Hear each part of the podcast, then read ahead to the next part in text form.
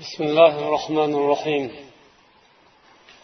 الحمد لله رب العالمين وصلوات الله وسلامه على رسوله محمد وعلى آله وأصحابه أجمعين. أما بعد محترم برادر الله hurmatli opa singillar assalomu alaykum va rahmatullohi va barakatuh alloh taologa hamdu sanolar aytib bugungi ixlos haqidagi suhbatimizni yana davom ettiramiz.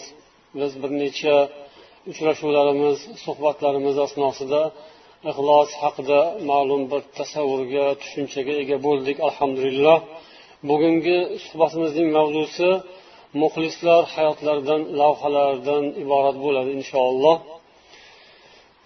Alloh taolo mana shu dinini saqlash uchun avvalambor bu din islom dinini hayotga joriy etish uchun o'zining bandalarini ichidan ana shunday muxlis insonlarni tanlab olgan.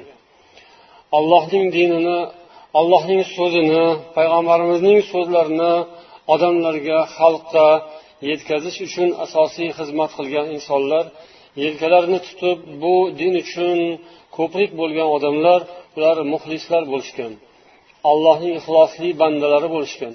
Ana shunday insonlarning sharofati bilan bizga qur'oni karim va sunnati nabaviya yetib kelgan. Ana shunday zotlarning sababi bilan biz dunyoda qanday hayot kechirish lozim ekanini o'rganganmiz. Alloh taolo mana shu kelajak zamonlarda yashaydigan insonlarga ibrat bo'lsin uchun ularga namuna ustoz muallim bo'lsinlar uchun o'zining bandalari ichidan ixlosli insonlarni chiqargan. Va bunday kishilar to qiyomatga qadar davom etadilar. Avval bo'lishgan hozir ham ular bor bundan keyin ham bo'lishadi. Chunki inson zoti eshitish bilan birga ko'rishni ham xohlaydi. U o'zining hayotida din islomni qanday ekanini his qilishi uchun eshitishi va ko'rishi kerak. Alloh taolo bandalari ichidan ana shunday zotlarni chiqaradi. Tarixda o'tgan ulamolar yaxshi insonlar bizga demak shu borada hamma sohada ham jumladan ixlos sohasida ham ibrat bo'lishgan namuna bo'lishgan. Bundan keyingi qoida ham shunaqa bo'ladi. Shuning uchun ollohdan so'raymiz alloh taolo bizni sizlarni ichimizdan ham shunday ixlosli insonlarni chiqarsin. Hammamizga ham alloh taolo ixlosdan nasiba bersin. E'tiqodimiz ixlosimiz taqvoyimiz ilohim ziyoda bo'lsin.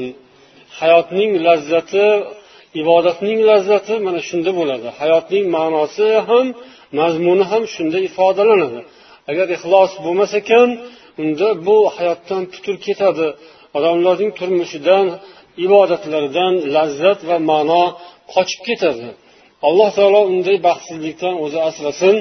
Hammamizga bu ixlosu e'tiqodimizni ziyoda bo'lishini nasib etsin deb so'raymiz va bu borada bizga ibrat bo'ladigan zotlarning hayotlariga nazar solamiz. Ularning turmushlari hayotlariga e'tibor berib qaraydigan bo'lsangiz bir ikki narsa shunday alohida ajralib zohir bo'lib turganini anglashingiz mumkin. Ularning hayotlarida shunday ko'rinib turadigan ko'zga tashlanib turadigan alohida sifatlardan biri solih amallarini yashirish bo'lgan. Demak ular qilgan yaxshi amallarini solih ibodatlarini elning ko'zidan hatto yonlaridagi yon odamlardan o'zlarini yaqinlaridan ham yashirishgan va shunga muvaffaq bo'lishgan. Ko'plarni qilgan xayrli ishlari yaxshi amallari o'zlarining hayotlaridan keyin ma'lum bo'lgan. Ular vafot etib ketishgandan so'ng o'sha yaxshiliklar ochilgan ma'lum bo'lgan odamlarga tarqalgan va keyin o'sha narsa o'zlashtirilgan amal qilingan va u baraka bergan. Uning samarasi nihoyatda ko'p bo'lgan foydali bo'lgan. Demak solih amallarni qilish ham bu ham bir alohida fazilat. Hammadan ham sodir bo'lavermaydi. Lekin o'sha solih amal paydo bo'lishi bu alohida narsa lekin uning bu yoqda hayotda samara berishi foyda berishi egasiga ham va o'zgalarga ham undan manfaat yetishi shartlaridan biri demak ixlos bo'lishi kerak ekan. O'sha ixlosni saqlash uchun o'sha ixlosga ehtiyot bo'lish uchun ular shu amallarni yashirishgan bekitishgan. Ba'zilarni hayotlik davrlarida ham bu narsa oshkor bo'lgan.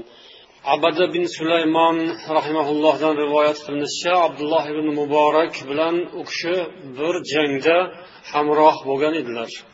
Ya'ni rumliklar bilan bo'lgan jihodda birga bo'lishgan edi.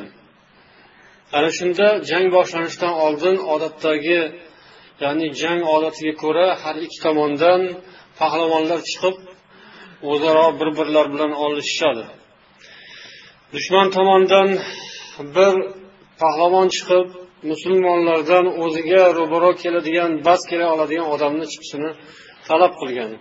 Ana o'shanda bir inson oldinga chiqib haligi kofir bilan olishadi va ma'lum bir muddat ma'lum bir vaqt olishib tortishib kurashgandan keyin uni o'ldiradi. Keyin ikkinchisi chiqadi. U bilan ham yana bir qancha muddat olishib keyin uni ham o'ldiradi. Ana undan keyin uchinchisi paydo bo'ladi keyin uchinchisini ham o'ldiradi.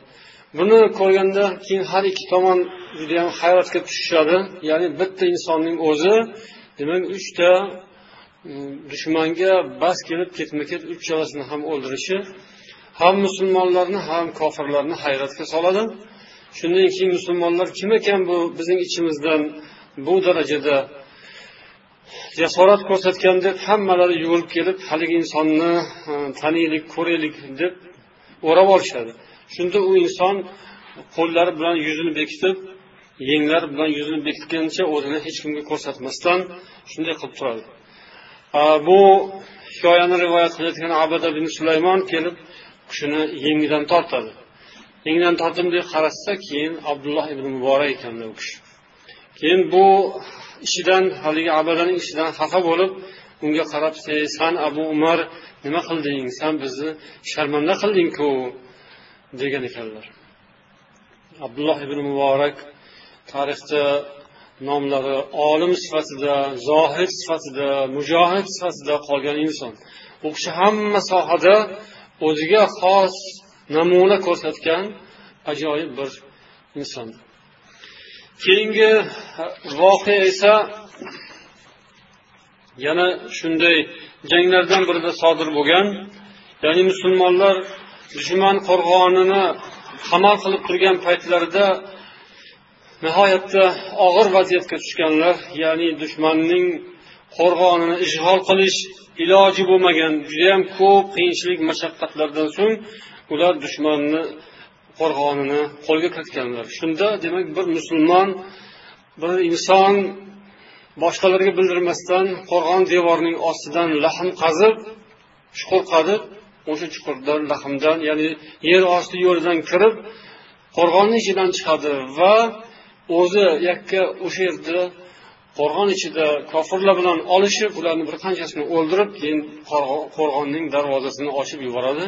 Ana undan keyin musulmonlar bostirib kirib bu yerdagi mushriklarni mag'lub etadilar. Keyin bu voqeaga sabab bo'lgan mana shu g'alabaga sabab bo'lgan odamni qidirishadi lekin topa olishmaydi. Kim edi o'sha qo'rg'onni ishg'ol qilgan ya'ni yer ostidan lahm qazib shunday ularni mag'lub bo'lishiga asosiy sabab bo'lgan odam kim edi deb qo'mondon qidiradi. Ya'ni askarlarning qo'mondoni o'sha insonni o'sha pahlavonni mukofotlash uchun taqdirlash uchun shuncha so'rab surishtirsa ham chiqmaydi. Hech kim o'zini ko'rsatmaydi. Biror bir inson manidim deb aytmaydi. Oxiri qo'mondon aytadiki olloh nomiga qasam aytib so'rayman. Olloh nomini o'rtaga qo'yib so'rayman o'sha odam mani oldimga kelsin degandan keyin kechasi keyin qo'mondonni oldiga o'sha inson boradi. Birovni agar bir ishga ko'ndirish kerak bo'lsa olloh nomini o'rtaga qo'yib olloh nomi bilan so'rayman desa demak qilish kerak inson. Olloh nomining hurmatidan o'sha iltimosni bajarish kerak. Demak bu so'zni hadeganda ishlatilishi kerak emas. Bu nihoyatda zarur bo'lgan o'rinda nihoyatda muhtoj bo'lingan o'rinda ishlatish mumkin bo'lgan so'z qo'mondon shu so'zni ishlatgandan keyin kechqurun o'sha odam keladi. Lekin hali o'zini tanishtirmasdan turib aytadiki san ham sandan ham olloh nomi bilan so'rayman. Man hozir sanga o'zimni tanishtirsam shundan keyin boshqa ikkinchi marta man haqimda so'ramaysan mani nomimni tilingga olmaysan. Agar shunga va'da bersang man senga o'zimni tanishtiraman keyin u kishi mayli deb shunga so'z beradi. Rozi bo'ladi o'zini haligi inson tanishtiradi va shu bilan tugaydi u demak va'da berdi. Boshqa hech kimga bu gapni gapirish kerak emas uning kim ekanini aytish kerak emas. Haqiqatdan bu shaxs butun tarix davomida demak bizgacha va bizdan keyin ham demak noma'lumligicha qoldi. Allohga ma'lum. Qiyomatga qoldi bu insonning mukofoti. U demak qo'mondondan mukofot olmadi odamlardan ham olqishlar maqtovlar olmadi. Xolis olloh uchun oxiratga shu ishini zaxira qilib olib qo'ydi. Ana shu voqeadan keyin bu askarlarning rahbari qo'mondon maslama doim duo qilgan paytlarida allohimma deb duo qilar ekan ey ollohim meni o'sha nafaq sohibi bilan birga tiriltirgin. Nafaq ya'ni tonnel yerosti yo'li yoki o'zbekchada lahm eski o'zbek tilida o'sha lahm qazagan inson bilan o'sha lahm qazigan inson bilan mani iloyo tiriltirgin birga qilgin deb duo qilar ekanlar ya'ni u kishidagi ixlosni ko'rib mana shu odam inshaalloh allohning mukofotini oladigan odam deb o'ylagan uchun shunaqa yaxshi gumon qilgani uchun u insonni yaxshi inson deb bilgani va yaxshiligiga misolini ko'rgani va o'zi guvoh bo'lgani uchun o'shanga qo'shib xudoyo mani ham birga qilgin shu bandang yaxshi banda ixlosli banda sani mukofotingga sazovor bo'ladigan banda shu bilan mani birga qilgin deb u kishi duo qilar ekan. Alloh taolo bizni ham ana shunday muxlis bandalar bilan birga qilsin. Yaxshilar bilan birga bo'lsangiz bu dunyoda ham baraka topasiz oxiratda ham baraka topasiz. Tavaffani musliman va alhiqni bis solihin deb yusuf alayhissalom duo qilganlar. Ey ollohim meni musulmon holda o'ldirgin va solihlarga qo'shgin. Solihlarga yo'liqtirgin uchrashtirgin deganlar. Bizni ham alloh musulmon holimizda vafot ettirsin va oxiratimizda solih insonlar bilan birga bo'lishimizni nasib etsin. Shuning uchun biza ixlosli insonlarga intilishimiz kerak. Buning uchun o'zimizda ham ixlos paydo qilishimiz kerak ozmi ko'pmi? O'zimizda yo'q bo'lsada biz borligi intilsak u ham uncha o'xshamaydi.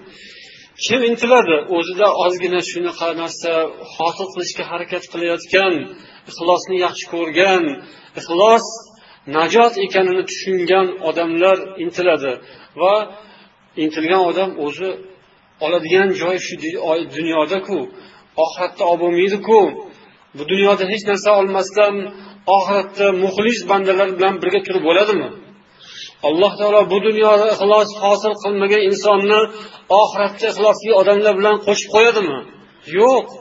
Dunyoda ixlosdan ozmi ko'pmi hosil qilgan nasiba olgan odamni keyin olloh ixlosi ko'proq insonlarga qo'shishi mumkin.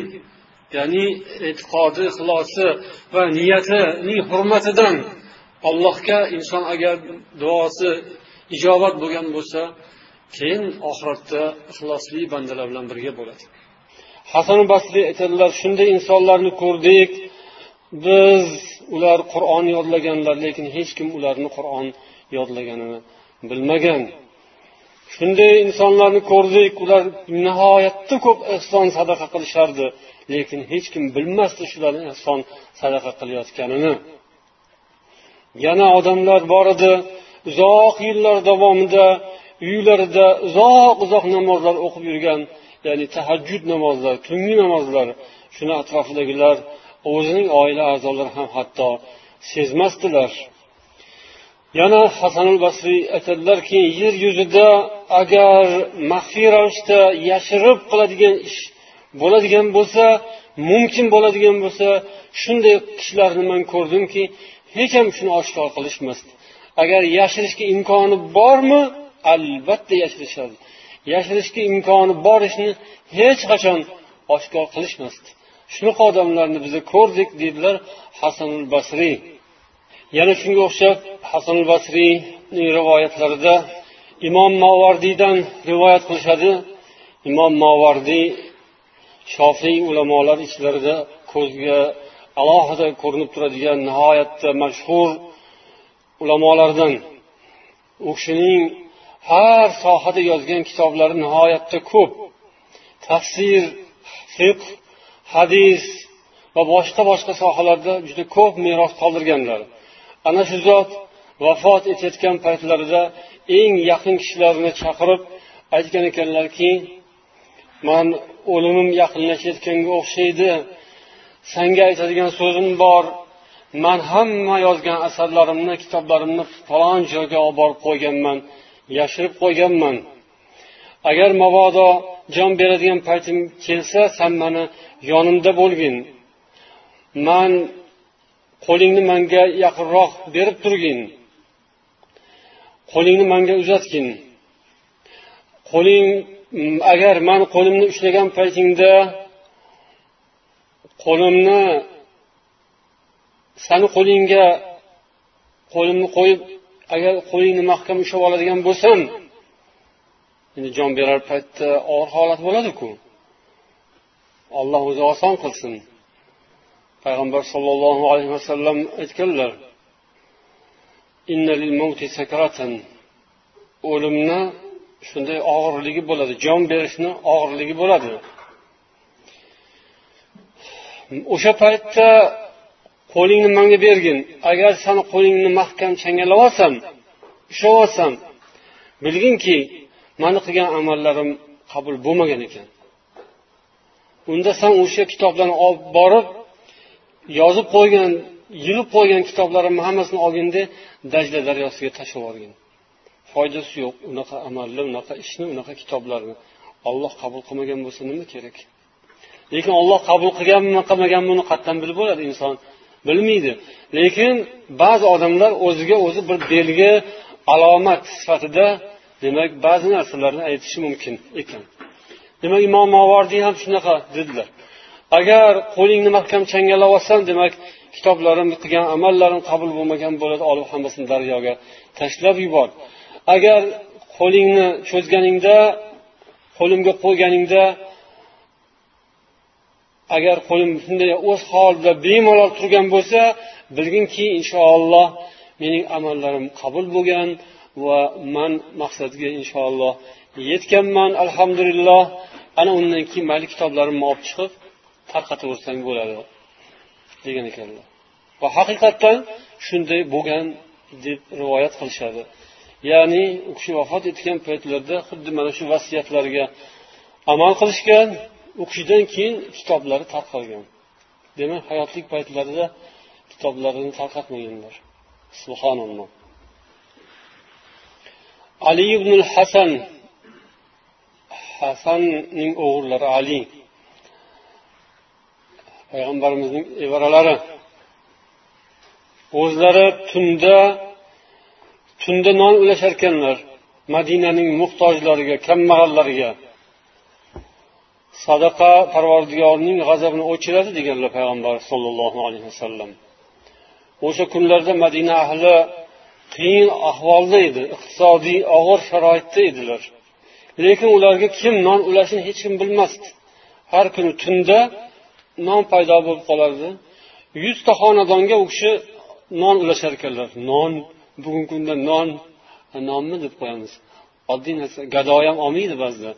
E, non bir narsa so'rab kelsa. Pul ber deydi yoki boshqa narsa deydi.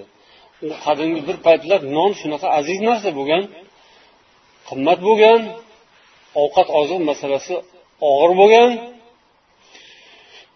Non ulashardilar hech kim bilmasdi hayotlik davrlarda bironta odam bilmagan vafotlaridan keyin ma'lum bo'lgan bu narsa. U kishini yuvishayotgan mahalda gardanlarida o'sha doimiy yuk ko'taraverib yag'rib bo'lib ketgan o'rinlarini ko'rishgan.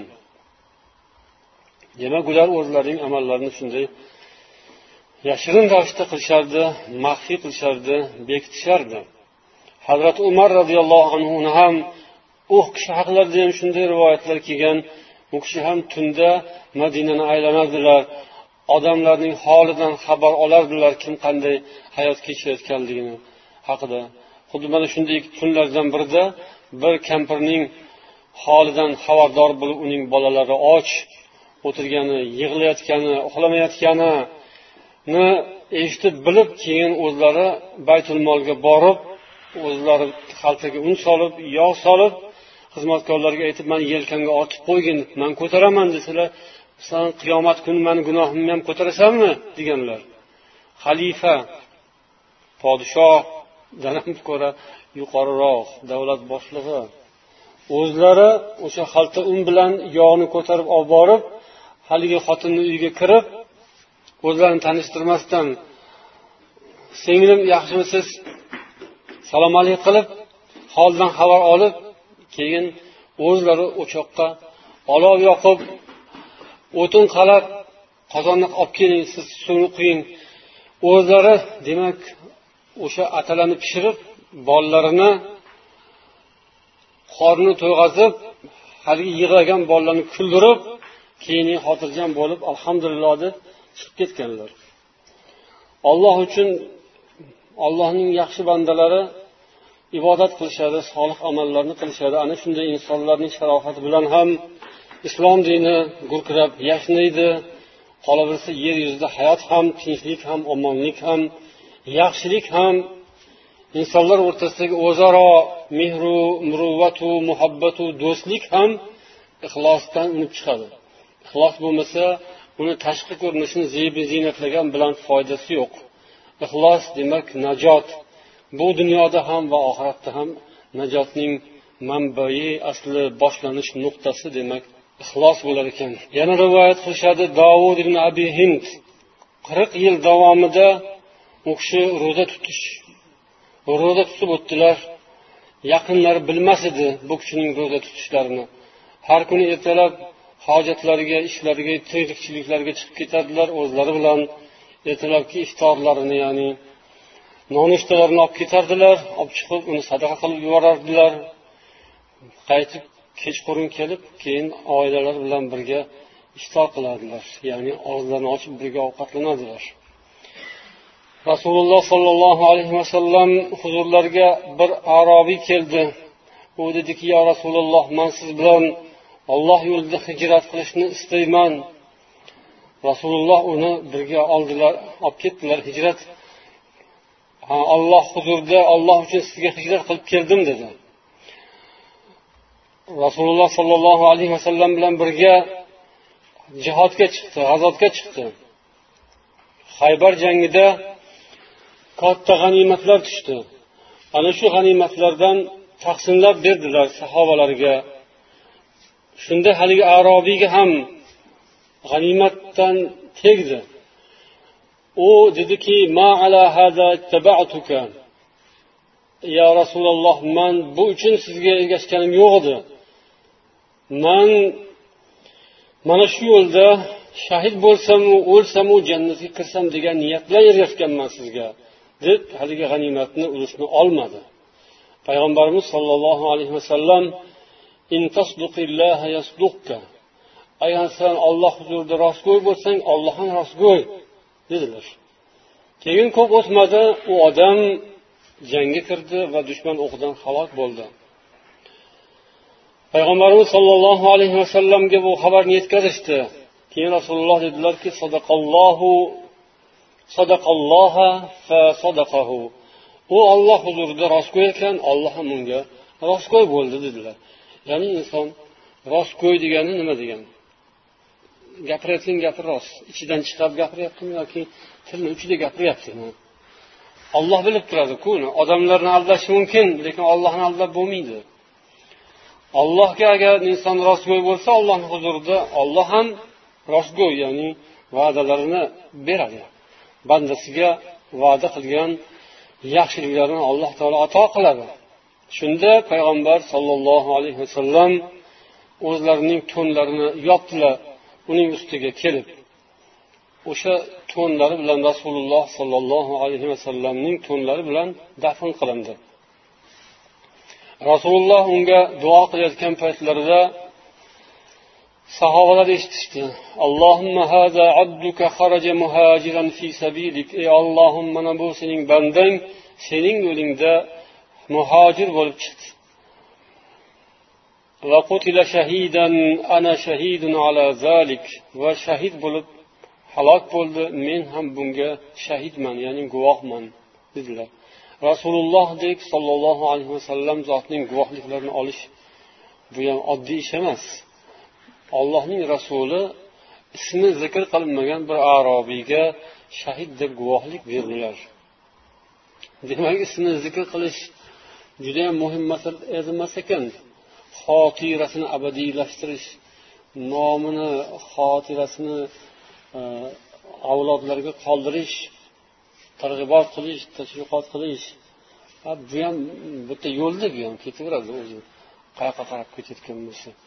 Lekin bu arobiy arobiy deganlari sahroda yashagan ko'p tarbiya olmagan bunday bir odoblari ham judayam bir e, nihoyatda risolaga tushmagan odamlar bo'lishgan ko'proq. Lekin olloh o'shandaylarni ichidan ham xohlasa chiqarib yuborakanda ya'ni olloh ixlosni beraman desa demak cho'ldami sahrodami shahardami shaharlikmi qishloqlikmi?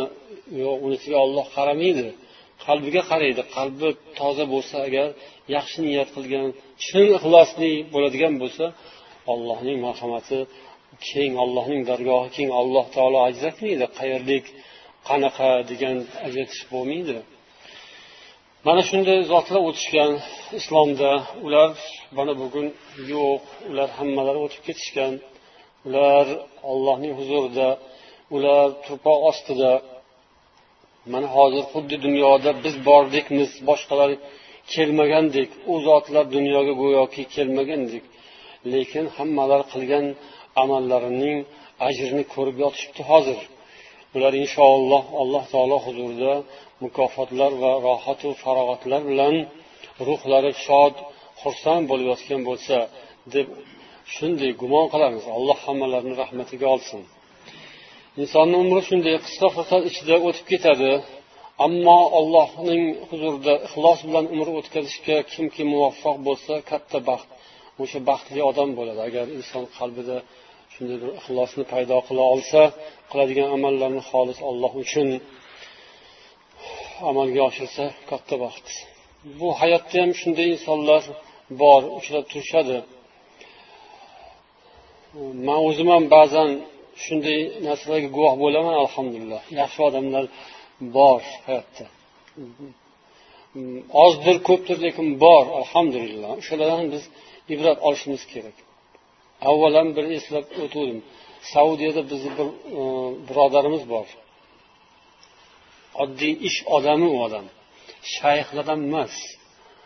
U ulamolar qatorida emas oddiy bir birodar.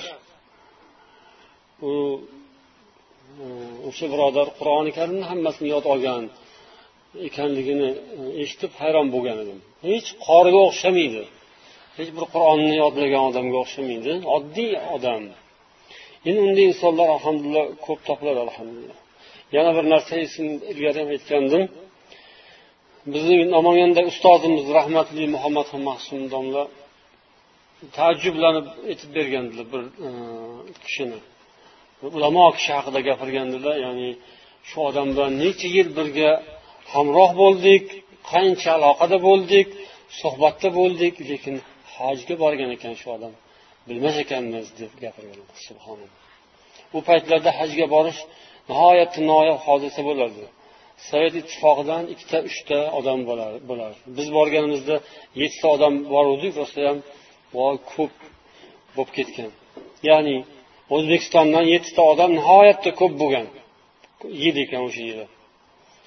Bitta odam bo'lardi yo bo'lmasdi? Respublikaga bitta odam tegmasdi ba'zi yillarida. Bir necha yilda bir bir tegardi o'zbekistondan bitta odam hajga borish. O'sha bo'lsa ham musulmonlar o'rtasida tarqab ketardi. Hamma mm, viloyatlardagi masjidlarda mm, bilinardi. Falon joydan falonchi e, anaqaga hajga boribdi deb. Ana shunday noyob e, hodisa voqea bo'lardi lekin demak e, ixlosli odamlar xolis alloh taoloning rizoligida hayot kechirgan odamlar bo'ladi hamma vaqt ham alloh hammamizga tavfiq hidoyat bersin. Yana muxlis insonlarning hayotlaridan ko'rinib turadigan belgilardan biri. Biz hozir yuqoridagisini aytdik solih amallarni yashirish. Yana bir alomatlari ular o'z xatolarini kamchiliklarini o'zlari tan olib tavba qilib istig'for aytib yurishlari ko'p ko'rinadigan ulardan olinadigan bir ibrat bir yaxshi xulq bu ham ekan. Imom zahabiy yozadilar ibn foris rivoyat qiladi deydilar abul hasan al qattondan u kishi aytadi asabtu bi basari va azunnu anni uqibtu bi kasrati kalami asna ar-rihla.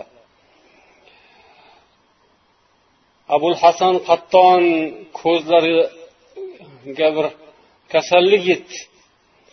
Keyin aytdilarki shu o'ylayman man shu safarim davomida safar davomida ko'p gapirdim mana shunga bir jazo bo'ldi shekilli shuning oqibatida shunaqa bo'ldi shekilli deb aytardi aytgan edi deb rivoyat qiladilar yana imom zahabiy yozadilar sadaqa vallohi fa bu odam rost to'g'ri gapni aytyapti فإنهم كانوا مع حسن القصد وصحة النية غالبا يخافون من الكلام وإظهار المعرفة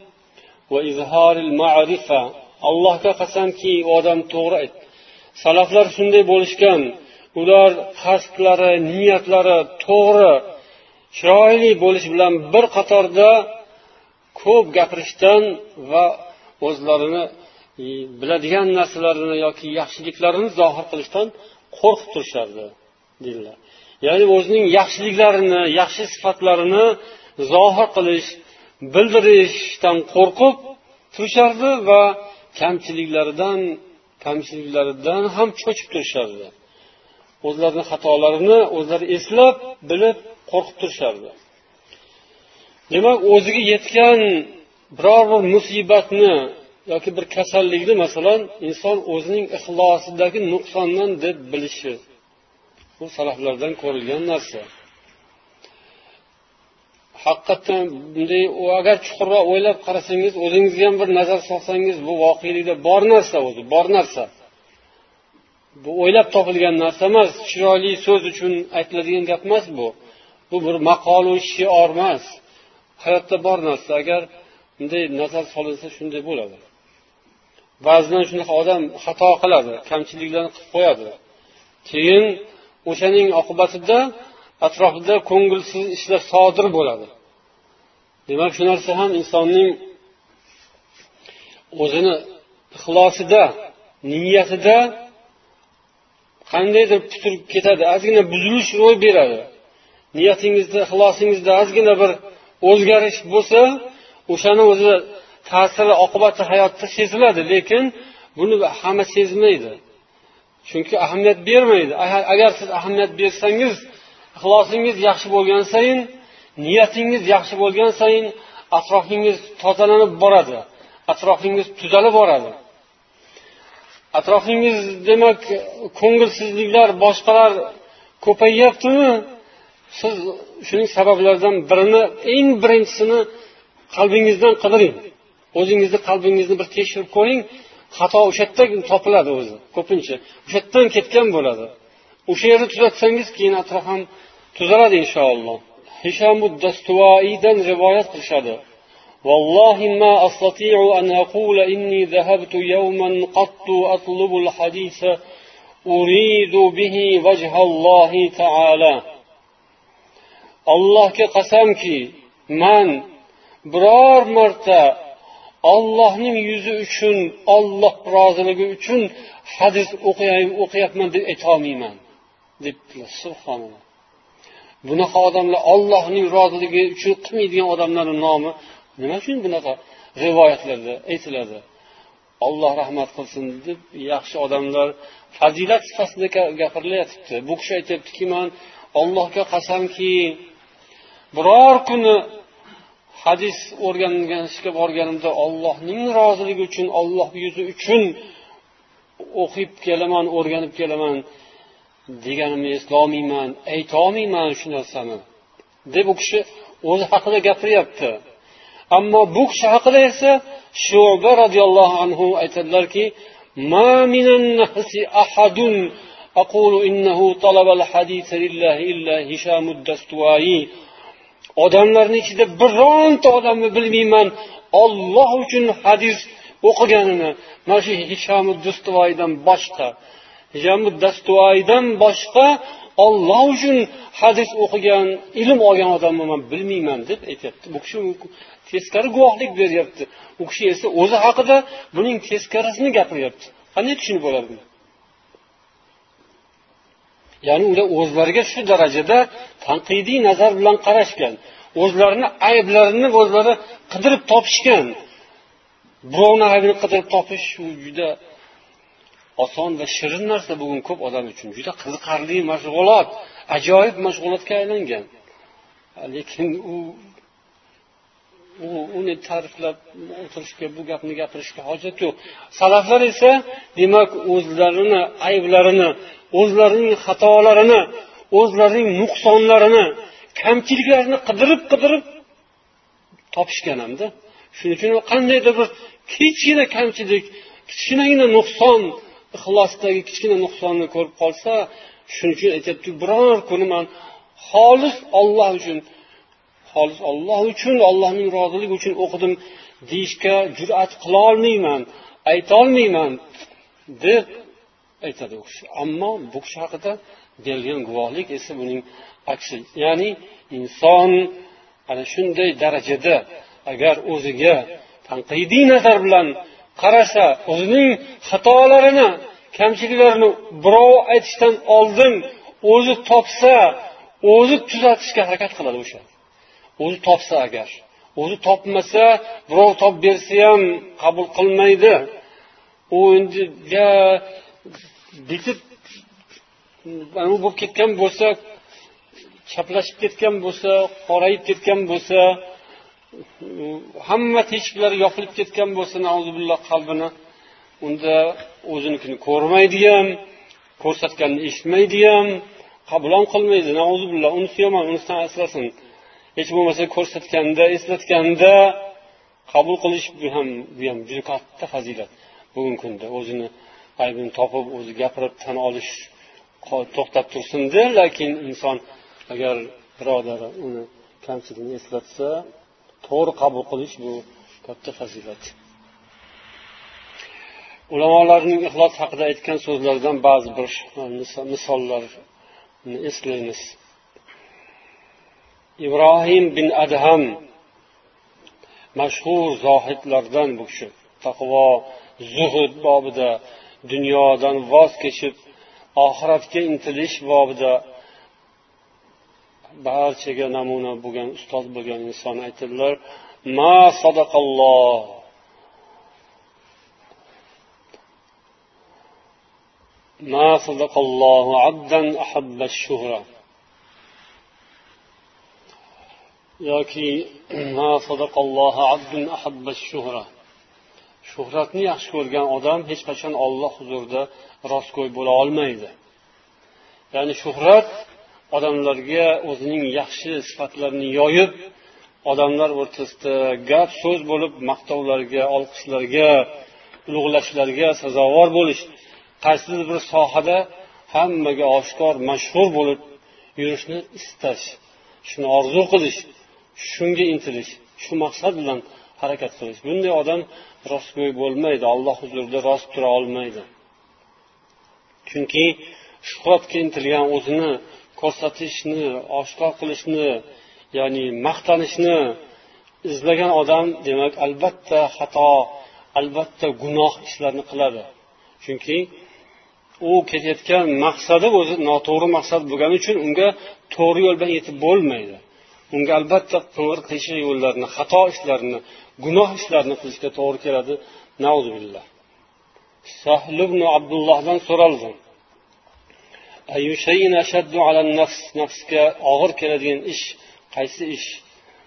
Ixlos dedilar. Chunki bunda nafsning nasibasi yo'qdir. Sufyon aytadilar. ما عالجت شيئا أشد علي من نيتي إنها تنقلب علي o'zimning niyatimni tuzatishdan ham ko'ra qiyinroq ish ko'rmadim bu dunyoda dedilar qachonki man unga qarshi jihod qiladigan bo'lsam u o'zgarib turadi inson doimo o'zining nafsi bilan kurashda jihodda bo'ladi agar inson deydilar ulamolar bu ham bir yaxshi xislat nafsining o'zgarib turishi niyatning o'zgarib turishi va inson unga qarshi harakatda bo'lishi kurashishi bu ham yaxshi sifat. Ammo eng yomoni kimki agar o'zining holatidan o'zi rozi bo'lib nafsi dili ko'ngli xotirjam bo'lib tinch bo'lib qolsa osoyishta bo'lib qolsa bu mushkul bu muammo bo'ladi. Chunki u odam demak o'zining holatiga o'zi rozi bo'lgan bo'ladi o'zini isloh qilishga taraqqiy topishga tuzalishga demak u odam harakat qilmay qo'yadi عن داود الطائي رأيت الخير كله إنما يجمعه حسن النية yaxshilikning hammasini niyatda ko'rdim niyatni yaxshilash yaxshi niyat qilish barcha yaxshiliklarning boshidir ana shuning o'zi sizga kifoya qiladi agar niyatingizni siz tuzatsangiz isloh qilsangiz demak siz yaxshilik yo'lga tushgan bo'lasiz. Niyat faqat quruq niyatdan iborat emas albatta.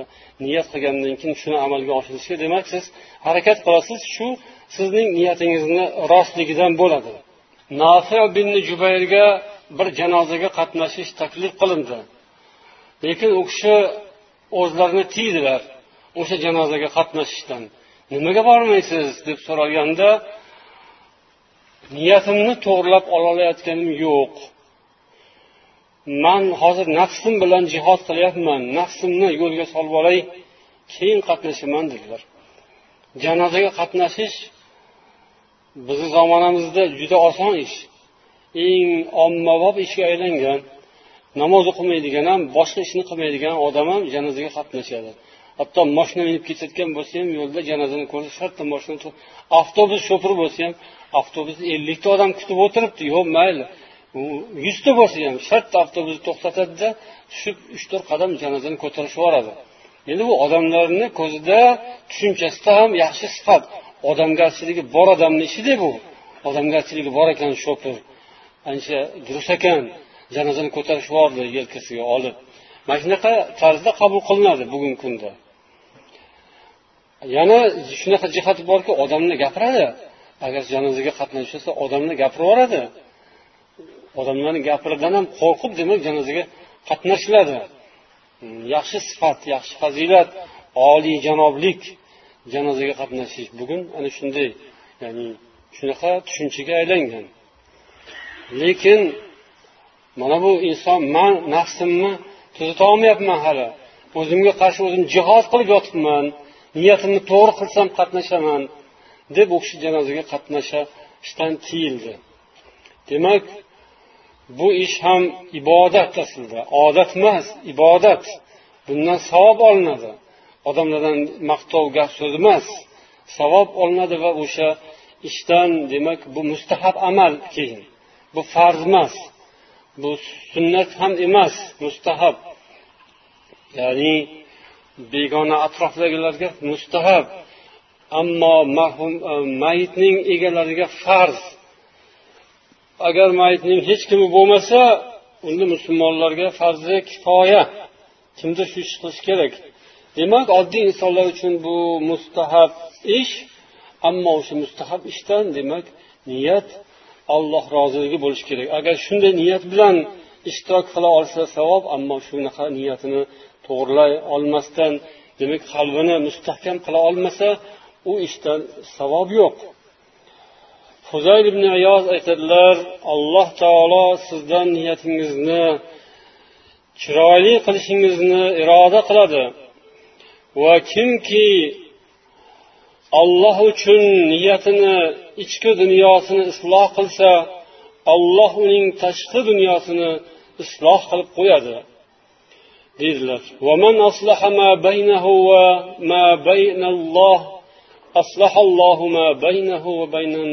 Kimki o'zi bilan olloh o'rtasini isloh qilib olsa olloh u bilan bandalar o'rtasini isloh qilib qo'yadi demak bu fozil niyozning so'zlari ekan ko'pchiligimiz eshitganmiz ham ammo amal qilishga judayam bir o'rin arziydigan so'zlar olloh bilan o'rtamizni isloh qilishimiz kerak ko'pchiligimiz haqiqatdan shuning uchun keyin o'rtamiz bizni ham o'rtalarimiz isloh bo'ladi qayerdaki demak o'rtalarimiz isloh emas buning sababi demak olloh bilan o'rtamiz isloh emas ekanda. Shundan ko'rinadi. Endi bu nima degani? O'sha ixlosimiz chala hammamizning qalbimizda ixlosimiz butun emas. Ya'ni buning ko'rinishi shu o'rtani isloh emasligi orada isloh yo'qligi buning ildizi esa biz bilan ollohning o'rtamizdagi islohning yaxshi emasligidandir. وما أسر أحد سريرته إلا أظهرها الله في صفحات وجهه وفلتات لسانه qaysi bir odam agar ichini to'g'irlamas ekan ichini yashirar ekan yashirsa ichidagini yashirsa olloh uning albatta yuziga chiqarib qo'yadi o'sha narsani va tiliga ham chiqarib qo'yadi dedilar fuzayl ibn iyoz demak inson har qancha yashirmasin noqulay narsasi bo'lsa noqulay ishlari fikrlari niyatlari bo'lsa yashiradi odamni uyaladi. Yoki qo'rqadi. Lekin bu uzoqqa bormaydi. Alloh taolo nimaiki inson qalbida yashirsa yuziga chiqaradi tiliga chiqaradi. O'zi gapirib qo'yadi. O'zining tilidan ilinadi o'zining yuzidan bilinadi. Ya'ni u baribir yashirib bekitib olib ketib bo'lmaydi. Noqulay narsani noto'g'ri narsani inson bildirib qo'yadi. Biz fodil ibn iyozning so'zlarini esladik. Hikmatli so'zlar. O'zi hikmatli so'zlar qayerdan paydo bo'ladi? Donishmandlar aytib ketishadi. Donolarning so'zi hakimlarning so'zi hikmatli so'zga aylanib qoladi. Arab tilida hakim deyiladi. Dono odamlar o'zbek tilida donishmandlar deyiladi. Ya'ni ko'pni ko'rgan ko'p narsani biladigan ilmli aqlli tajribali odamlar. Ularning so'zlari so'zlarning qaymog'i bo'ladi. Hikmatli so'zlar maqollar so'zlarning qaymog'i bo'ladi. Eng shu sara mm, judayam foydalar yig'ilgan. Qaymoq ham shunaqa sutni hamma vitaminlari hamma foydali E, elementlar unsurlar to'plangan joy qaymoq bo'ladi. Shuning uchun qaymoqni narxi ham qimmat bo'ladi sutga qaraganda. Qaymoq olingan sutni ham bahosi ma'lum endi. So'zlar ham shunaqa. So'zlarning eng a'losi oltinga baholanadigani shu hikmatli so'zlar bo'ladi. Ming oltin beradigan odam bormi? Man bitta so'z aytaman degan rivoyatlar bo'larku. Demak fuzayl ibn iyoz ham islom donishmandlaridan ulamolaridan u kishining so'zlari. Mana bu yerda bir so'zni hozir sizlarga aytaman ma'nosini topasizlar. Man o'zim ham lekin topishga qiynaldim. Balkim topdim dedimku balkim topmagandirman bu topganimga uncha ishonmayapman o'zim. Shuning uchun sizlarga aytaman yozib olinglar. Keyin kim topsa aytar. Bu kishini hozir yuqorida o'tdi so'zlarini eshitdik. Ya'ni kimniki kimki agar ichini yashirsa ichki dunyosini yashirsa alloh taolo uning ichki dunyosini yuzida ko'rsatib qo'yadi. Uning yuziga chiqarib qo'yadi va tiliga ham chiqarib qo'yadi. O'zi tilida gapirib qoladi bir kuni. Tilidan ilinib qoladi yoki ishidan ilinib qoladi bilinadi u. Yashirib bo'lmaydi. Inson ichiga fasodini buzuq narsalarni niyatlarini qalbda uzoq saqlab yurish kerak emas achib qoladi u. Sovuq xonada muzxonada холодильникda achib yotsa e, bir kun chiqib hamyoni sassadi olib tashlab yuborish kerak uni tezroq. Achitib ushlab o'tirish kerak emas shunga o'xshab insonning qalbida yashirinib yotgan buzuq niyat yomon niyat yomon xulq u yo'q bo'lib ketmaydi uni siz o'zingiz yo'qotmasangiz. O'zingiz olib sug'urib otib yuborish kerak uni. Chiqindiga qo'shib yubormasangiz qalbingizni ham buzib o'zingizni ham buzib qo'yadi xudo asrasin. U chiqadi. Uni sassig'i hidi chiqadi. O'sha ma'noda demak kimki nimani yashirsa olloh uni yuziga chiqarib qo'yadi va uni olloh tiliga chiqarib qo'yadi. Mana bu qalb kasalliklari haqida gapiryapmiz. Bu insonning jismoniy kasalliklar bu moddiy kasalliklar badandagi kasalliklar uning ham demak alomatlari bo'lgandek qalb kasalligini ham alomati bo'ladi va u yashirib butunlay bekitib yashirib yurib bo'lmaydi. Shuning uchun eng yaxshi yo'li nima? Davolash kerak. Davolanish kerak. Badaningiz kasal bo'lgan bo'lsa uning davosini doktorlardan topasiz marhamat. Tabiblardan. Qalb kasal bo'lgan bo'lsachi uning ham davosi mana qur'ondan va sunnatdan kitobi sunnatdan ollohu rasuldan uning davosini olishimiz kerak va davolanishimiz kerak. Afsuslar bo'lsinki jasadimiz tanamiz kasal bo'lmaganlari ko'pdir yoki bordir ammo bilmayman. Qalbi kasal bo'lmagan odam topish qiyindir allohu alam. Qalbi ko'p odamniki kasal ko'pimizning qalbimiz kasal bo'ladi. Uni odam o'zi biladi. Mani ham qalbim kasal bo'lsa kerak deb o'ylayman. Ba'zan shu gumonlar keladi odamga. Musulmondan gumon qilasiz. Har xil fikrlar keladiku miyangizga o'sha o'sha narsa yaxshilik emasda. Shu ham bir ozgina o'zi ham qay darajada bo'lsa ham hmm, kasallik alomati illat alomati. O'sha narsani ketkazish uchun qalbni tozalash kerak. Qalbni davolash kerak. Qalb pokiza bo'lishi kerak. Keyin miya pokiza bo'ladi. Hayolingiz fikrlashingiz ham tiniqlashadi to'g'ri fikrlaysiz to'g'ri xulosaga erishasiz. Qalb puturdan ketgan bo'lsachi miya ham chalg'iydi. Rosa aqlli rosa to'g'ri ishlayveradi miyasi lekin noto'g'ri ishlarga ishlaydi. Shaytoniy fikrlarga ishlaydi. Hiylayu makrlarga yomon ishlarga gunohlarga ishlaydi bu miya aql. Rosa ishlab ketadi va o'sha maqsadiga yetadi. Lekin yetdim deganda qarasa yetmagan boshqa joyga borib qolgan bo'ladi. U shayton yetaklab olib borib yomon joyga olib borib qo'ygan bo'ladi billah. Olloh asrasin qalbimizga olloh shifo bersin. Qalbimiz tuzalsa xulqimiz ham tuzaladi. Aqlimiz fikrimiz tiniqlashadi va alloh bizga hikmat furqon ato qiladi. Kimki ollohdan taqvo qilsa olloh unga furqon ato qiladi. Ya'ni hikmat to'g'ri yo'lni olloh unga ato qiladi. Demak fozil bin niyoz aytadilar kimningki agar ichini ichini bekitsa o'zi ichini yashirsa alloh taolo uning yuzida va tilida oshkor qilib qo'yadi. Bundan qo'rqishimiz kerak. Olloh shunday oshkor qilmasdan tuzalib olaylik yana bu kishi aytadilar من يكتم حسناته كما يكتم سيئاته muxlis odam ixlosli odam o'zining hasanotlarini xuddi sayyoatlarni yashirgandek yashiradi gunohlarni sayyoatlarni bilib bilmay qilgan gunohingizni ham gapiraverishingiz kerak emas ba'zi bir xatolarni gapirib tuzatib olasiz o'zingizni mayli lekin odamlar bilmagan olloh bekitib qo'ygan olloh yashirib qo'ygan xatolarni gapirib gunohlarni gapiradigan ahmoqlar bo'ladi. Billah. Unaqa emas. Yashirish kerak. Xuddi shunga o'xshab muxlis odam demak yaxshiliklarni ham yashiradi. O'zi qilgan yaxshi solih amallarni yashiradi. Olloh oshkor qilsa xayr u boshqa masala. Yoki boshqalar gapirsa xayr boshqa masala lekin o'zi yashiradi. Endi haligi jumboqlik so'zlari topishmoqqa o'xshagan so'zlar shuki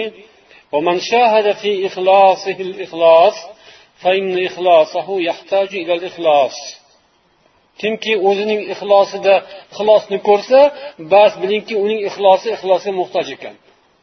Nima degan? Balkim kimdir bir bir marta tushunib olgandir. Lekin man bir martada tushuna olmadim. Kimdir haliyam tushunmagandir.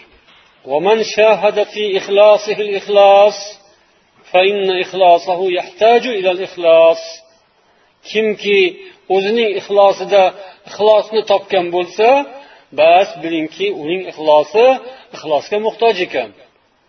Demak ixlosimizni ziyoda qilishimiz kerak. Mana shayx munajjid aytadilarki salafi solihlarimiz solih amallarning ichida inson o'zi ham o'zidan tashqari o'zi oilasi ayoli bola chaqasi ham bilmaydigan solih amallari bo'lardi. Kunimga yarab qoladi degan.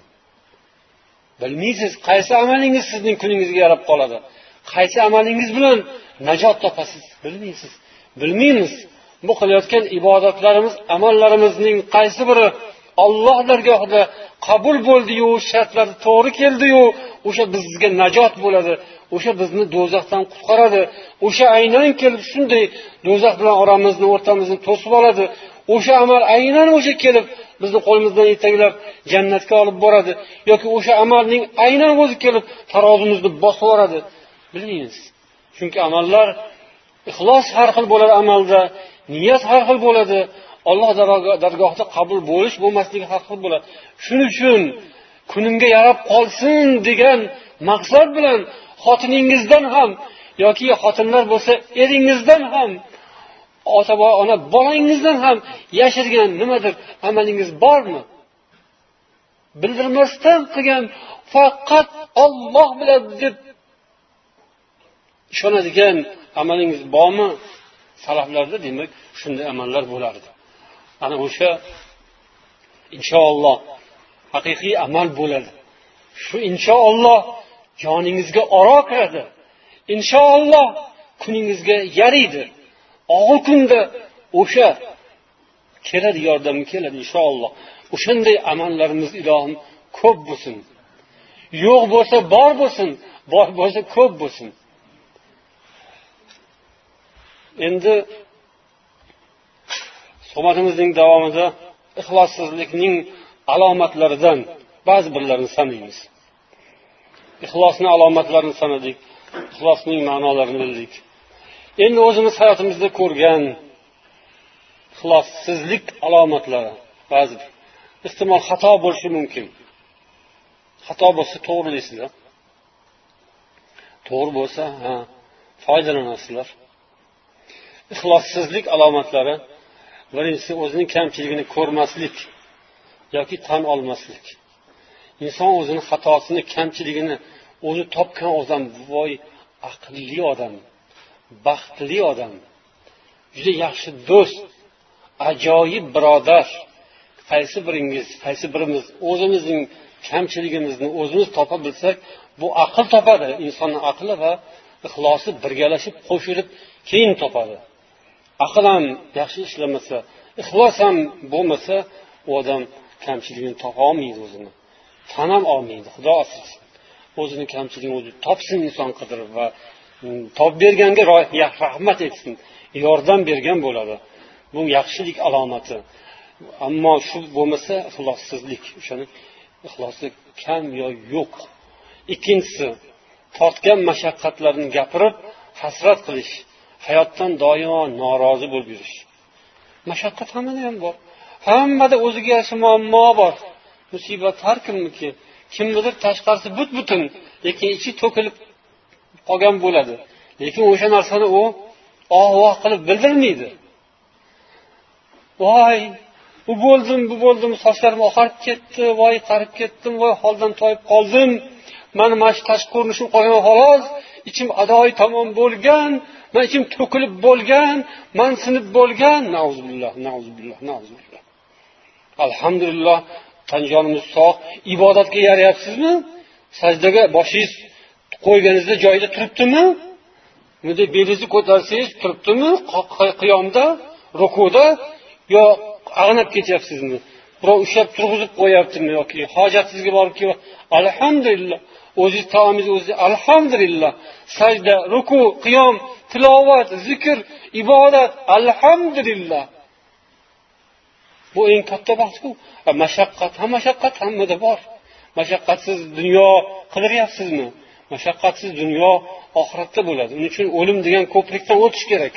Keyin mashaqqatsiz dunyoga yetishasiz. Agar loyiq bo'lsangiz loyiq bo'lmasangiz undan battar mashaqqatga qolasiz.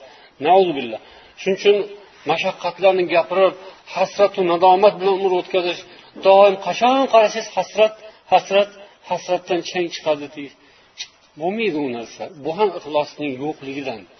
Ya'ni xolis olloh uchun yashash deganiku ixlos. Agar siz xolis olloh uchun yashayotgan bo'lsangiz dardingizni ollohga ayting bandaga emas. Banda ham so'rasa alhamdulillahdan boshlang holingiz qalay deb so'ralsa kasal odamdan og'ir kasal yotgan odamdan. Birinchi nima deb javob berish kerak? Alhamdulillah deyish kerak. O'sha yotganingizga alhamdulillah deng. O'lmadingizku. Nafas kirib chiqyaptiku. Alhamdulillah deng. Hasrat nadomatni yig'ishtiring. Ammo holingizni bayon qilish bo'lsa aytish mumkin. Oldin allohga shukrona aytib olgandan keyin boriga shukur qilib yaxshisini qadriga yetib keyin mana bu kamchilik bor desa o'rinli bo'ladi. Uchinchisi o'ziga yetgan musibatlar uchun atrofdagilarni ayblash. Inson o'ziga musibatlar kamchiliklar bo'ladi qiyinchiliklarga duchor bo'ladi lekin shuni avvalambor ollohdan ko'rish kerak keyin o'zining nafsidagi kamchilikdan ko'rish kerak ana undan keyin boshqa tomonga nazar solish kerak. Lekin odamlar ollohni esdan chiqaradi o'zini esdan chiqaradi atrofdan qidiradi aybdorlarni. Hamma aybdor atrofida bitta oppoq pokiza nuqta bor dunyoda o'sha o'zi go'yoki. Yo astag'firulloh demak musibatlar uchun atrofdagilarni agar aybdor bo'lsa ham haddan oshish kerak emas chegaradan chiqish kerak emas ularni ayblashda. O'rin bilan foydasi bo'lsa shuni e'tibori bo'lsa ahamiyatli bo'lsa zikr qilib o'tish mumkin. Ammo ko'p hollarda foydasi yo'q.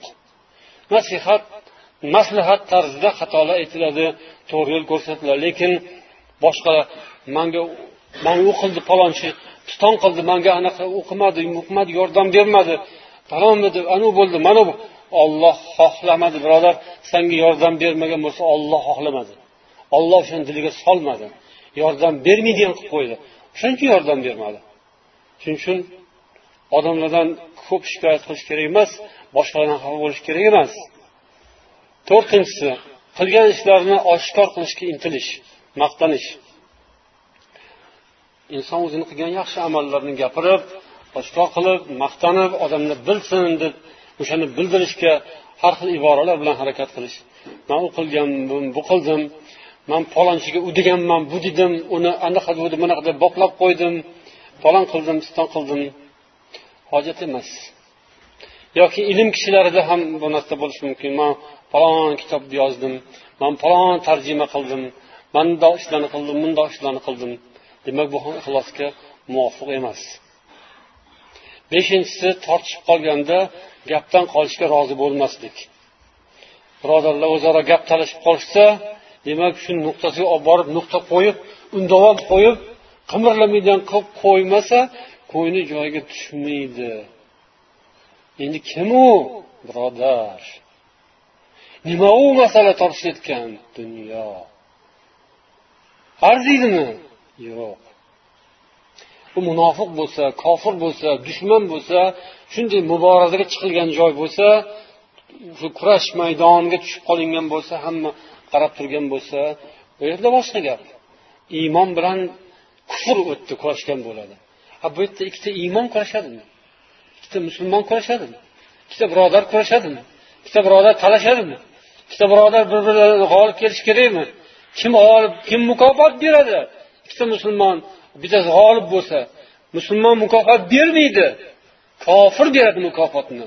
Agar ikkita musulmon urushib janjallashib talashib bo'g'ishib tepishib yoki gap bilan bir birini cho'qishib bittasi g'olib bo'lsa unga musulmonlar mukofot bermaydi. Yo munofiqlar beradi yo kofirlar beradi yoki rostayam fojir fosiq berishi mumkin. Ha boplading u bu lekin musulmon odam bo'lsa xafa bo'ladi. Qalbi og'riydi. Achinadi. Afsus nadomat chekadi. Esiz deydi. Esiz birodarlar esiz musulmonlar esiz imkoniyat esiz esiz kuch quvvat shu bir biringizga qilgan talashishlaringiz janjallashishingizga ketgan kuchu quvvatingizni qaniydiyu?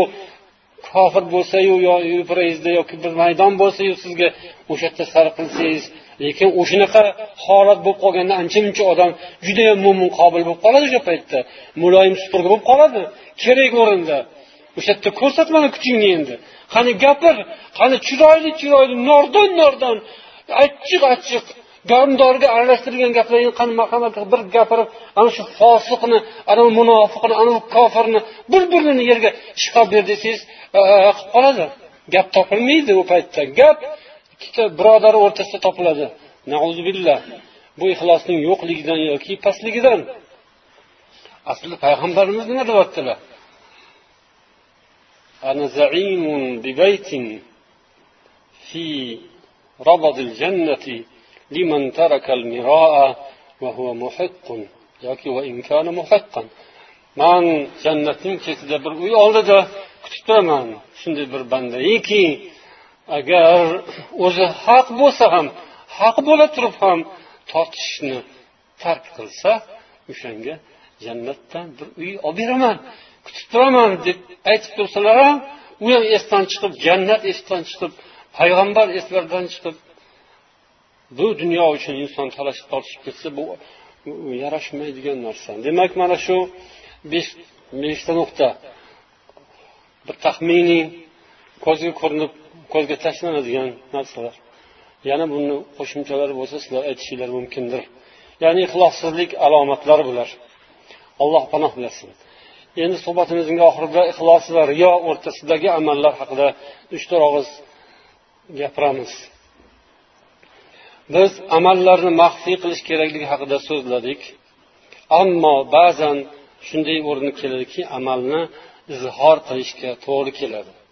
Izhor qilish o'rinli mustahab yoki vojib bo'ladi. Yuqorida esa riyo harom shirk bo'lishi haqida aytildi. Ibn qudoma yozadilarki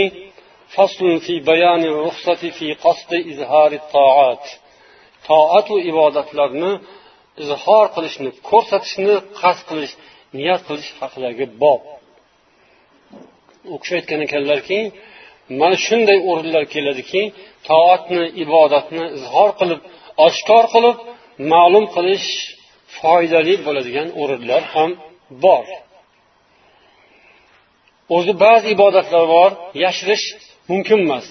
Masalan deydilar haj jihod shunga o'xshash amallar. Buni maxfiy qilib yashirib bo'lmaydi buni oshkoro qilish kerak bo'ladi. Shunday paytda inson zohir qiladi lekin qalbini mustahkam qilish kerak. Shundan riyo maqsad qilish kerak emas. Qalbini to'g'ri ishlab turib oshkoro qiladi bunday amallarni. Odamlarni maqtovini kutish demak bu o'sha ishdan savobni ketkazib qo'yadi. Balki odamlar ergashishlarini shu amalga shaxsga emas amalga ergashishlarini iroda qilish kerak niyat qilish kerak.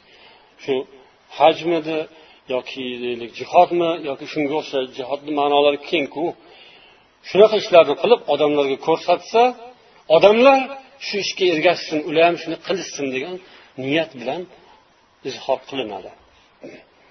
Lekin zaif odam bo'lsa irodasi zaif qalbi zaif odam bo'lsa aldanmasin bu gapga deganlar. U odamlarga ko'rsataman deb o'zini ko'rsatib qo'yadi. Amalni emas o'zini ko'rsatib qo'yadi. Odamlarga o'zini maqtash demak o'ziga o'zi ziyon keltiradi. Unday zaif odamlar o'zini bilsinu bunday ishlarga aralashmasin ular. O'zini saqlash kerak. Demak ibn munajjid yana aytadilarki amallar shunday bo'ladiki izhor qilish amallarni ko'rsatish emas maxfiy qilish sunnat bo'lgan ishlarni maxfiy qilinadi. Shunday amallar bo'ladiki o'zi maxfiy qilish kerak maxfiy qilish lozim. Yana shunday amallar bo'ladiki oshkor qilish sunnatda bor. Oshkor qilish kerak. Endi shunday amallar bo'ladiki demak uni oshkor qilish bilan maxfiy qilishni o'rtasida uncha farq bo'lmaydi. Unaqa qilsa ham bo'ladi bunaqa qilsa ham bo'ladi. U paytda inson o'ziga qalbiga qarash kerak.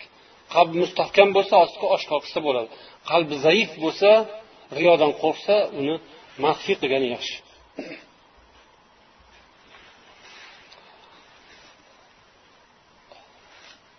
ba'zan solih kishilar salaflardan shundaylari o'zlarining yaxshi amallarini o'zlari gapirib izhor qilganlari ham bo'lgan ekan masalan shunday salaflardan birlari vafot etayotgan paytlarida aytgan ekanlar لا تبكوا علي فإني ما لطفت سيئة منذ أسلمت menga yig'lamanglar vafot bo'lgandan keyin yig'lamanglar chunki men islomga kelganimdan beri bu tilimdan biror bir nojo'ya so'z chiqarmaganman dedilar.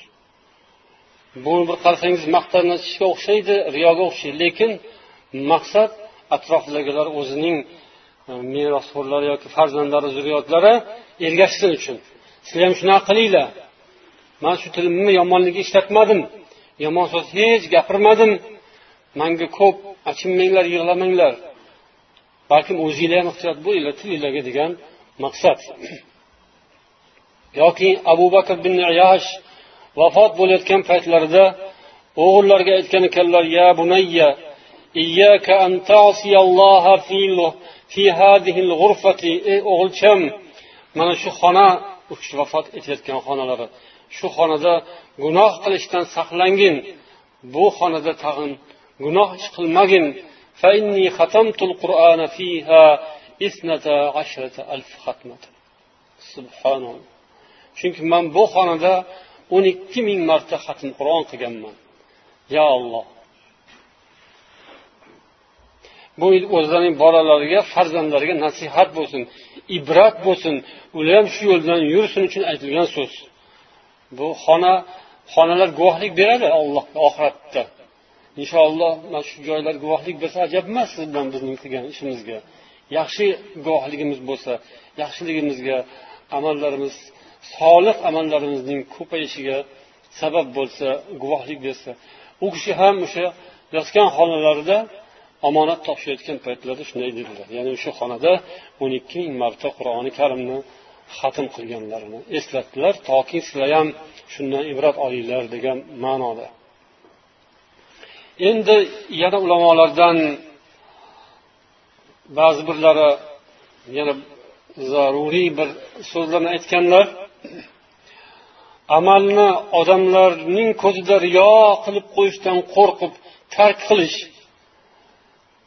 bu qanday bo'ladi navaviy aytadilar من عزم على عبادة وتركها مخافة أن يراه الناس فهو مرائي kimki bir yaxshi ishni qilmoqchi bo'lib azm qaror qildi niyat qildiyu lekin odamlarning ko'zida bu riyo bo'lib qoladiyu deb tark qilsa bu ham riyodir.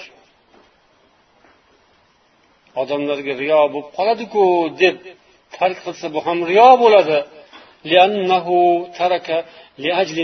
Chunki u odamlar uchun tark qilgan bo'ladi. Bu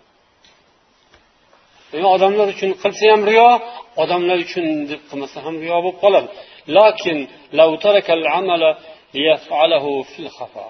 Lekin odamlardan yashirib qilaman deb tark qilsa mayli. Odamlarni oldida to'g'ri kelib qoldida mm, ulardan to'xtatib boshqa joyga o'tib qilsa yaxshi. Lekin butunlay tark qilib yuborish demak yaxshi emas ekan. Nima qilish kerak? Qalbni mustahkam qilib ey xudoyo o'zing asragin qalbimni saqlagin. Riyodan saqlagin deb amalni qilgan yaxshi. Demak amalni demak butunlay tark etib yuborish yaxshi emas balkim odamlar unga ergashsinlar o'sha amalni qilsinlar degan niyat bilan ba'zi ishlarni qilish fazilat bo'ladi yaxshi bo'ladi. Yana bir nuqtaki ba'zan shunaqa so'zlarni eshitasiz riyo bo'ladi deb odamlar bir birini qo'rqitayotganini ko'riladi. Ya'ni hamma amallaringizni maxfiy qiling. Amalni maxfiy qilish kerak olloh uchun qilish kerak xudo uchun qilish kerak namozni xudo uchun o'qish kerak. Olloh uchun odamlar uchun emas degan so'zlarni qulog'inglarga tanish. Kimlar aytadi shunaqa gaplarni? Namoz o'qigan xudo uchun o'qiydi namozni ro'mol. Ro'molni xudo uchun o'rash kerak. Voy odamlar oldida ro'mol o'rab yurmay bo'lmaydi ro'mol o'ramasa bo'lmaydi desa ayollar xudo uchun o'rash kerak ro'mol odamlar uchun emas deb yoki maktabda namoz o'qimoqchi bo'lsa xudo uchun o'qiydi uyga borganda hech kimga ko'rsatmasdan ollohga o'qish kerak bo'lmasam riyo bo'lib qoladi bu namozing deb kim aytadi? Munofiqlar aytadi. Ollohdan qo'rqmaydigan munofiqlarni so'zi ham bor bu yerda buni ham biz to'g'ri anglashimiz kerak. Ya'ni din dushmanlari yoki din bilan ishi yo'q odamlar yoki munofiqlar yoki kofirlar musulmonlarning yo'lini to'sish uchun islom amallarini solih ishlarni qilish uchun ildizdan qirqib quritib tashlash uchun ular mana shu so'zni ishlatadi. Mana shu riyo shirk degan kalimalarni qo'llaydi deydilar. Mana shayx munajjid ham shunga ahamiyat qaratganlarki bunday gaplarga e'tibor berish kerak emas. Ularni maqsadi sizni riyodan saqlash emas balkim islomni yo'lini to'sish uchun solih amallarni yo'q qilish uchun hayotdan odamlarning hayotdan islomni supurib tashlash uchun ular shunaqa deydi. Solih amallarni qilinishini xohlamaydi. Bunga ahamiyat berish kerak emas ularni gapiga quloq solish kerak emas. Kimki shunday ishni qilayotgan bo'lsa va unga shunaqa malomatlar yog'ilayotgan bo'lsa sabr qilsin. Ya'ni shunday ham bo'ladi. Solih amalni qiladi bir odam yaxshilikni oshkoro qiladi va unga atrofdan malomatlar yog'iladi. Bu riyo qilyapti bu o'zini ko'rsatyapti deb gapiradi. Bizda xuddi shunday ozgina bir insonlar musulmonlar chiqsa islomni ishini olib boradiganlar ularga otiladigan toshlardan bittasi shu. Ya'ni o'zini ko'rsatyapti. Publikaga o'ynayapti deb qo'yishadi. Publikaga o'ynayapti. Bu degani nima degani? O'zini o'zi ko'rsatib o'zini reklama qilyapti o'zi shuhrat ketidan shuhratparast birpasda bir birlarini ayblaydi. Ukrainani yangi prezidentini e, bu bu publikaga o'ynaydi bu shuhratparast falonchi deb. E, o'zaro bir biriga otadigan toshni ular musulmonlarga ham otadi. Ya'ni musulmonlardan e, shunday bir solih amallarni yaxshiroq darajada qaysi biringiz bajarishga boshlasangiz qaysi biringiz agar islom yo'lida musulmonlar manfaati yo'lida agar sal ko'zi ko'rinadigan ish qilsangiz nomingiz chiqsa o'zingiz ko'rinsangiz mana shu toshni kutib turasiz. Publika yoki shuhratparast riyokor deyishadi. O'sha paytda to'g'ri bu gaplardan ozgina hushyor bo'lib o'zingizni qarang haqiqatdan man riyokormanmi? Dushmanlarni ba'zan dushmanlar to'g'ri gapni gapiradi. Do'st gapirmagan gapni dushmanlar gapiradi. Dushmandan shuning uchun foydalanish kerak. Dushman ham foyda yetkazadi. Ya'ni sizning illatlaringizni ochib beradi ular. Siz o'sha yerda to'g'ri ochib tashlayotgan bo'lsa xafa bo'lmasdan olib o'sha joyingizni tez tez to'g'irlab olasiz. Tuzatib olasiz. Riyokor deyotgan bo'lsa o'ylang ha. Riyokor bo'lsangiz riyoyatni tashlang chiqarib tashlang. Shuhratparast deyotgan bo'lsa uni ham qarab ko'ring. Agar shuhratga intilayotgan bo'lsangiz tashlang o'sha joyingizni. Lekin olloh uchun qilayotgan bo'lsangiz qilavering marhamat olg'a oldinga. Allohu akbar.